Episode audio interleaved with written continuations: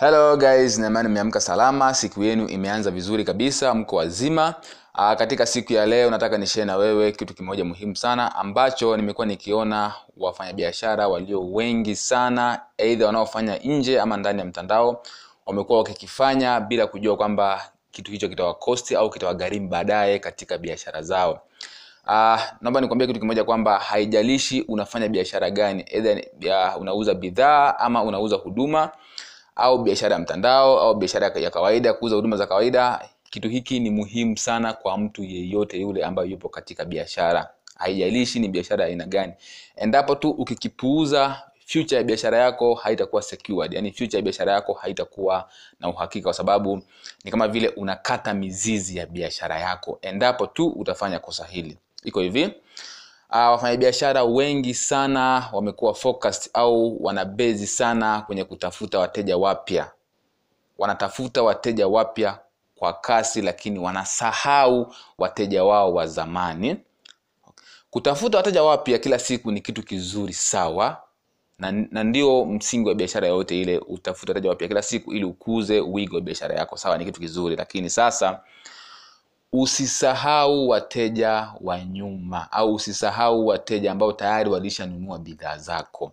Kwa sababu gani? Kwa sababu nasema hivi ni rahisi kuuza bidhaa kwa mteja mara ya pili kuliko kuuza bidhaa kwa mteja kwa mara ya kwanza. Kwa sababu gani? Kwa sababu mteja mteja wa kwanza ambao tayari ushamuuzia bidhaa na huduma yako tayari anakujua na ameshatumia bidhaa yako anaiamini. Kwa hiyo ukitaka kumuuzia bidhaa ya pili ni rahisi sana kwa sababu tayari anakujua anakuamini na anakupenda. Lakini mteja wa kwanza ni ngumu sana kuuza kwa sababu bado hakujui hajakuamini na bado hajakupenda. Kwa hiyo inahitaji muda sana. Na moja ya kitu ambacho watu wengi wanakifanya ni kwamba wanataka kuuza bidhaa ama huduma kwa muda wao kama wauzaji. Lakini kumbe kila mteja huwa ana timing yake au ana muda wake wa kununua bidhaa ama huduma. Usipomuuzia mteja bidhaa ama huduma yako leo haijalishi au haimaanishi mteja huyo baada ya wiki aweze kununua bidhaa hapana. Maybe mteja umemfata akakwambia labda uh, hana uwezo kununua bidhaa hiyo muda huo. Then ukaachana naye. Ukatafuta mteja mpya tena mwingine mwingine huyo wa kwanza tayari unaachana naye. Hilo ni kosa. Kwa sababu gani? Kwa sababu umetaka kuuza kwa muda ambao wewe unajua ni sahihi. Lakini kwa, kwa mteja muda huo haukuwa sahihi lakini haijalishi kwa mteja huyo sio mteja baadaye. Hapana. Kwa hiyo point yangu, point yangu ni hapa hakikisha kila mtu unayekutana naye kila unayekutana naye wa kwanza unakuwa una mawasiliano yake ambayo yatakufanya wewe na yeye muweze kuwasiliana mara kwa mara. You see? Asiponunua uh, muda huo haijalishi kwamba baada ya baada ya wiki au baada ya mwezi awezi kununua. Kwa mfano nichukue mfano mimi mimi kuna watu kuna watu ambao muda uh, mara kwanza nilitangaza uh, nilitangaza ofa ya kitabu hawakununua kabisa na wala hawakufanya chochote kile. Lakini haijaishi watu hao baada ya wiki au baada ya wiki mbili hawezi kununua kitabu. Lakini unashangaa mtu anakwambia sasa utaanza kitabu mwezi fulani sikuwa na pesa lakini sasa hivi nanunua. You see? Kwa hiyo kumbe mtu huyo tayari ningeshampotezea kwenye grupu nikamtoa nikamremove. Nisinge nisingeuza bidhaa.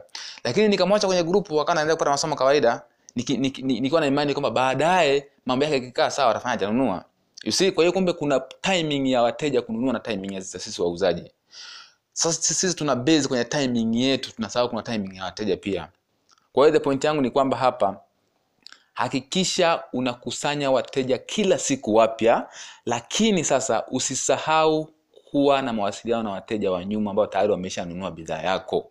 Na ndio maana sisi tukiuza kitabu tunaweka, tunaweka, tunaweka kwenye group la mentorship. Maana yake ni kwamba wale wateja tusiwaachie mzigo mzigo peke yao. Kama wana tatizo waweze kusaidika lengo la kuwashika mkono wateja hatua kwa hatua ni kwamba waone kwamba tuko pamoja na wao muda wote na mzigo kwao sio mkubwa. Kuna baadhi ya watu wataacha kununua bidhaa kwa sababu tu unawaachia mzigo peke yao wataona kwamba mzigo ni mkubwa kwa hiyo anaweza akasema ah, nikanunua bidhaa hii labda nikiwa na shida nisikupate tena. Ah, akaona niache. Lakini kama uta, utaahidi kuwa na mteja huyo bega kwa bega baada ya kununua bidhaa ama huduma yako na kuhakikishia utauza bidhaa sana kwa sababu mteja atakuwa secure atajisi yuko sehemu salama. Hata kama ana shida muda wote anasaidika. You see? Sasa watu wengi wamekuwa wakiuza waki, waki, waki bidhaa then huyo mteja wanamwacha kama alivyo aidha atumie bidhaa asitumie hawamfuatilii mteja wajue kama bidhaa yake imemfaidisha hajamfaidisha lake yani anamwacha kama alivyo. Lakini ukiuza bidhaa yako kuuza bidhaa ya kwanza haishii hapo hapo. Ni kwamba unajenga tena mzizi wa kuweza kuuza bidhaa ya pili kwa kuboresha uhusiano na mteja wako wa kwanza. Ili iwe rahisi kumuuzia bidhaa ya pili you see? Kwa hiyo kuuza kwa, ma, kuuza kwa mara ya kwanza ni kupanda mbegu ya kuuza kwa mara ya pili. Lakini sasa watu wamekuwa wakiuza kwa mara ya kwanza wateja wanawasahau kabisa wana muda nao tena wanaanza kutafuta wapya wengine wanaacha. Kutafuta mteja mpya sawa ni kitu kizuri lakini sasa usisahau huyu wa kwanza hata ulishamuuzia kwa sababu ukitaka kuuza bidhaa nyingine ya pili kwa kwa yule ambaye umeshamuuzia kwa mara ya kwanza ni rahisi kuliko kuuza kwa, kwa mteja mpya kabisa. Kwa hiyo point yangu hapa ni kwamba tusisahau wateja ambao tayari tumeshawauzia bidhaa huduma zetu for the first time. Kwa hiyo tuendelee kuwasiliana na wateja wa zamani ambao tayari tulishawauzia bidhaa kwa kwa, kwa kumaintain mawasiliano mawasiliano mara kwa mara. Kama kuna tatizo msaidie. Ili iwe rahisi kuuza bidhaa ya pili. Aidha ikawa bidhaa nyingine au bidhaa ile ile ambayo labda umeupgrade bidhaa inakuwa rahisi kuuza. Kwa sababu tayari ulishauza bidhaa ya kwanza mteja huyu anakuamini na anakujua iko hivi kuna, kuna vitu vitatu ambavyo uh, katika kuuza bidhaa huduma ukivitumia vitakusaidia sana. Kuna kitu kinaitwa do it yourself eh, diy do it yourself yani fanya hiki mwenyewe. Sasa wauzaji wa wengi wanatumia hii mbinu ya kwanza sawa? Kuna kitu cha pili kinaitwa done with you yani done with you tunafanya na, tunafanya pamoja na wewe. Au kingine tunasema uh, done for you done for you. Done for you maana kimeshafanywa kwa ajili yako. Sasa hiki cha kwanza na cha pili ndicho kinachouza bidhaa. Lakini hiki I mean cha pili na cha tatu kinachouza bidhaa. Cha kwanza tunasema do it yourself maana yake unamwachia mteja mzigo wa kufanya kitu kila kitu mwenyewe. Akishanunua bidhaa unaachana naye. Sasa hili hapo ndio shida iliko. Watu wengi wauzaji wengi wako hapo. Wakishauza bidhaa wateja hao wanawaacha kama walivyo wanafanya vitu wenyewe. Na mteja huyo akitaka bidhaa ya pili hawezi kuja kwao kwa sababu tayari ushamwachia mzigo ataenda kwa mtu mwingine ambao ataahidi kumshika mkono na kuwa nao bega kwa bega katika matumizi ya bidhaa huduma zako. You see? Kitu cha pili tunasema uh, done with you. Done with you maanake unakuwa pamoja na mteja bega kwa bega. Akiwa na shida anakupigia simu anasolve tatizo lake akiwa na shida yoyote kuhusu bidhaa yako uko pale kwa ajili yake. Yani unakuwa unakuwa unakuwa backup ya mteja. Akiwa na shida yoyote ile kuhusu kitu chochote kile unakuwa kama mshauri wake. Kwa hiyo muda wote uko nyuma yake. Na hiyo ndio ndio nitakuwa uifanya sasa kama kama kama unataka kuuza bidhaa au huduma. Mteja akishanunua bidhaa yako mweke kwenye list yako. Au mweke kwenye kwenye kwenye kwenye watu ambao baada ya muda fulani utakuwa unawafuatilia kwa kujua maendeleo yao baada ya kutumia bidhaa au huduma yako yameendaje. Kwa hiyo unakuwa na na mawasiliano naye mara kwa mara mara kwa mara. Na hata ukiwa ukitaka kuuza bidhaa ya pili wale wateja wanakuwa ni wa kwanza kuwatumia tangazo la bidhaa yako ya pili ambayo unataka kuiuza. Utashangaa tu watanunua haraka bila hata kutumia nguvu kabisa kwa sababu tayari walishanunua bidhaa yako ya kwanza na wewe umekuwa bega kwa bega na wao muda wote. Kwa hiyo ni rahisi sana. Hiyo inaitwa done with you ambayo ndio ndio unatakiwa uitumie na sisi ndio tunaoitumia. Ya tatu nasema done for you. Done for you maana yake unafanya unafanya kila kitu kwa ajili ya mteja. Mteja anabaki kazi yake ni ndogo sana. Ni kutekeleza tu nasema done with uh, done for you. Yaani mzigo mkubwa umesha umeshaufanya kwa ajili ya mteja wako kazi yake ni kutekeleza tu. Kwa hiyo hizi hizi kauli mbili ukizitumia vizuri zitakusaidia sana sana sana kwenye kubusi na kutoa kuondoa wasiwasi kwa mteja. Maana ya kauli hizi ni kwamba zinamtolea wasiwasi kwamba uh, nikinunua bidhaa hii mzigo hautakuwa peke yangu au hautakuwa wa kwangu. Nitakuwa pamoja na muuzaji bega kwa bega. Nitakuwa pamoja na mtaalamu huyu bega kwa bega. Kwa hiyo inakuwa ni rahisi sana mteja kufanya maamuzi ya kununua bidhaa kwa sababu tayari umeshamhakikishia uwepo wako kwa asilimia mia na support yako kwa asilimia mia. Kwa hiyo hakikisha unafanya hivyo kwa muda wote. Mpe full support mteja wako. Tusisahau wateja wa nyuma tukakimbia kutafuta wateja wapya. Ni kitu kizuri kupata wateja wapya sawa lakini sasa tusisahau wateja wa nyuma. Kwa sababu gani? Kwa sababu kumuuzia mteja bidhaa kwa mara ya pili ni rahisi kuliko kuuza bidhaa kwa mara ya kwanza. Kwa sababu huyu wa pili tayari alisha alishatumia bidhaa yako na anakuamini na anakujua vizuri. Kwa hiyo ukitaka kuuza bidhaa ya pili hutumii nguvu kabisa kumuuzia. Ni sawa tu kumwambia fanya hivi then yeye ananunua. Kwa sababu tayari ameshakujua vizuri anakuamini na anakupenda. Lakini kuuza kumuuzia mteja bidhaa ya kwanza ni ngumu sana sana kwa sababu bado hajakujua hajakuamini na hajakupenda. Kwa ni ngumu sana kuuza.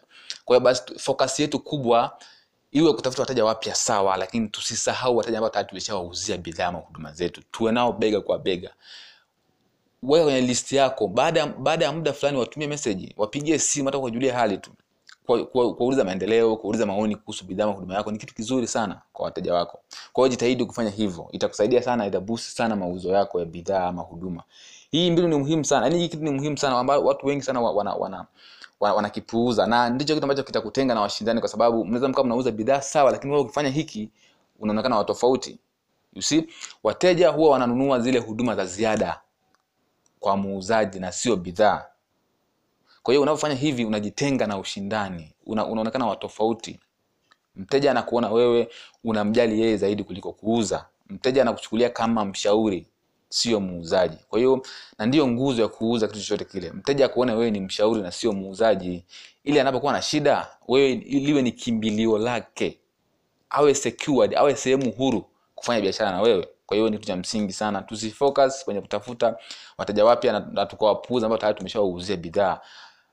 Kuuza bidhaa ya kwanza ni mwanzo wa kuuza bidhaa ya pili. Kuuza bidhaa ya kwanza ni kupanda mbegu ya kuuza bidhaa ya pili. Sasa watu wengi wakiuza bidhaa ya kwanza ndio biashara imeishia hapo hapo. Mteja anasaulika kila kitu nasaulika sasa hiyo ndicho ambacho tu- tu- tunakiongea kila siku kwamba ni kosa hutakiwi kufanya katika ulimwengu wa sasa hivi. Wateja wanafata huduma za ziada na mtu ndio anayefatwa na sio bidhaa. Bidhaa ziko sehemu nyingi. Kila siku wanaongea hili. Wateja wanafata mtu. Jinsi unavyomtreat mtu jinsi unavyomjali. Tunasema you are in the people's business. Upo katika biashara ya watu sio biashara ya bidhaa ama huduma. You see watu watakufata wewe kwa sababu ya huduma zako unazotoa na mteja anapoona unamjali yeye zaidi kuliko bidhaa mahuduma ndipo unapojipa nafasi kubwa ya kuwini au ya kumwini mteja huyo. Ndio maana mkiwa mnauza bidhaa bidhaa bidhaa zinafanana uh, na mshindani wako then mteja akaja kitu cha kwanza kakimbilia kuuza. Lakini mwenzako kitu cha kwanza kakimbilia kumuuliza mteja wake jinsi uh, bidhaa anayoitaka na, na shida ambayo anayo mwenzako ambaye yuko interested na mteja kwanza atauza kuliko wewe unataka kuuza haraka. Kwa sababu wateja hawapendi kuuziwa lakini wanapenda kununua. Simenisoma hapa. Kwamba mteja hapendi kuuziwa ila anapenda kununua. Wewe kazi yako ni kumsaidia yeye kufanya maamuzi tu ya kununua maamuzi ya kununua afanye mwenyewe lakini sio kumuuzia na ndio tofauti kati ya wa- wa- wataalamu wa kuuza na wauzaji wa kawaida. Wataalamu wa kuuza wanamsaidia muuzaji kufanya maamuzi yeye mwenyewe kuhusu kununua bidhaa na huduma. Lakini wauzaji wa kawaida wanapushi kuuza. Na ndicho kitu ambacho watu wengi sana ndio maana wanaona kuuza ni ngumu kwa sababu wanafanya hivyo. Kwa hiyo unatakiwa uwe interested na individual yani na mteja kwanza kabla ya kupush kuuza bidhaa na huduma yako ili ujue kwamba ana tatizo gani anahitaji bidhaa ya aina gani. Then baada ya kujua shida yake una present bidhaa yako kutokana na shida ambayo yeye anayo ili ilenge namna ya kutatua tatizo lake. Kwa hiyo bila kuwa, bila kumjua mteja unaweza kushangaa unamuuzia bidhaa ambayo haihitaji ndio maana unashangaa mteja anakataa tu. You see? Kwa hiyo ni kitu cha msingi sana hicho. Tujaribu kuwafuatilia wateja wetu mara kwa mara na tujaribu kuwa bega kwa bega na wateja wetu baada ya kununua bidhaa zetu za kwanza kwa sababu uta, unapanda mbegu ya kuuza bidhaa kwa mara ya pili. Kwa hiyo tumi, tumia mbinu ya pili inayoitwa done with you and done for you. Sio do it yourself. Fanya fanya mwenyewe. Ukitumia mbinu ya kwanza ya fanya mwenyewe huwezi kupata mteja mteja wa moja kwa moja kwa sababu watakuwa wanakukimbia tu. Akinunua mara ya kwanza ndio umeshamkosa. Lakini ukitumia mbinu ya pili unawashika mkono wateja unakuwa nao bega kwa bega. Unafanya follow up kila baada ya wiki au baada ya mwezi unapiga simu kawaida unajulia hali message. Yani ni kitu ambacho mteja ajione ni sehemu ya familia. You see? Katika biashara yako. Ajione ni kama partner wa biashara yako lakini sio mteja kwa sababu muda wote unamkumbuka muda wote yupo akilini mwako. Kwa hiyo ni kitu cha msingi sana. Leo nataka niishie hapo. Hii mbinu ni muhimu sana natumia, itakusaidia kwenye biashara yako. Asanteni